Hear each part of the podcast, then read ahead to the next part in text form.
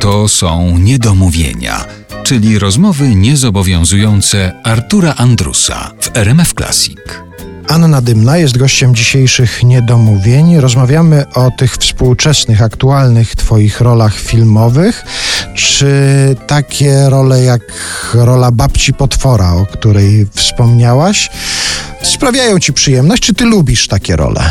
Ale ja się okropnie cieszę, że wrosłam w takie role, bo mam na szczęście, ja mam, znaczy, mam coś takiego, to z premedytacją być może robię, a nawet nie wiem o tym, że z premedytacją, że ja się cieszę z każdego czasu, w jakim jestem i tylko to mnie ratuje, bo przecież jak ja patrzę się, jest książka Baniewicz o Dymnej, nie?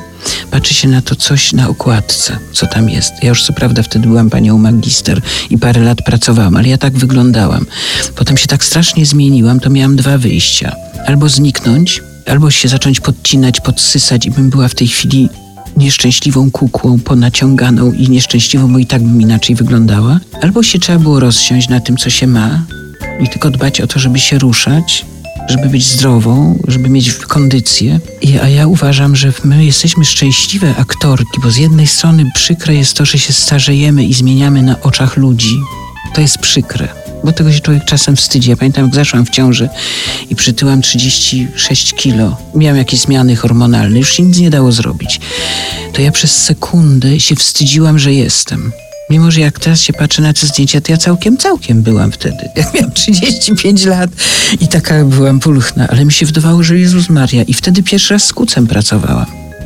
I on mnie w sekundę, ja się pozbyłam wszystkich kompleksów. Jemu to zawdzięczam, że mam taki stosunek. Teraz jestem taka. Muszę walczyć, żeby ludzie chcieli ze mną pracować, żeby być punktualną i żeby mieć siły na to. No my teraz pracujemy w Starym Teatrze, jak mamy próby rano i wieczorem. Rano i wieczorem ja tak miałam od września. U Moniki Strzępki pierwszy raz pracowałam. To są tak pracowici ludzie. Jak się patrzyłam na ten zespół, jakby życie oddał, żeby ratować ten teatr, jak to ja byłam zawsze pierwsza na próbach. Mimo, że czasem już nie miałam siły, kręgosłup mi wysiadał, ale to tak okropnie warto. Więc ja muszę o to dbać, ale sobie myślę, że w sumie jest to szczęście, bo dla kobiety w każdym wieku są jakieś role. Oczywiście jest ich dużo mniej, ale dla starych, grubych bab też są role. Bo kto zagra starą, grubą babę lepiej od starej, grubej baby? Młody, no. szczupły facet. No teraz niby tak jest.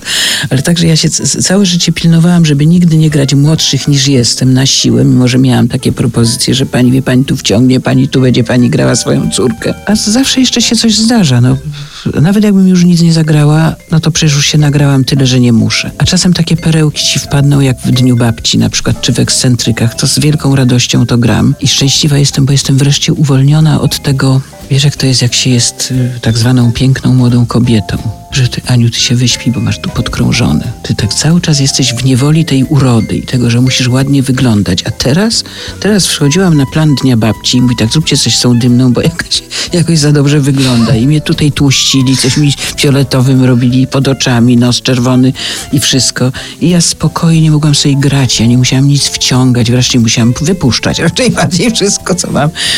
Czy trochę się tak śmieję z tego, bo z drugiej strony, jak czasem taki przychodzi czas i tak się patrzę na to, tylko że się patrzę z, taką, z takim wzruszeniem na tę Anię Pawlaczkę, na tę Marysię Wilczu, to takie dziadku, to takie wzruszające takie są. To fajnie, że się to grało i że takim się było i że chodziłam w takich pięknych kostiumach, jak Barbara Radziwiłłówna, ale to są takie skarby, których mi nikt nie odbierze. Czasem ktoś narzeka teraz, że jest źle, ja mówię, ludzie, na przykład ja jestem aktorką 50 lat. Ja jestem najszczęśliwszą aktorką świata, bo ja zostałam aktorką w najlepszym czasie, w najlepszym miejscu. Byłam potrzebna całe życie. To ja mam prawo do jakiegokolwiek narzekania. Nie mam prawa, nie? Więc ja cały czas mówię o tym zawodzie. Zresztą ja uważam, że uprawiam zawód potwornie trudny i można o nim mówić najgorsze rzeczy i najcudowniejsze. Więc ja wolę mówić o tych najcudowniejszych i tego się trzymam.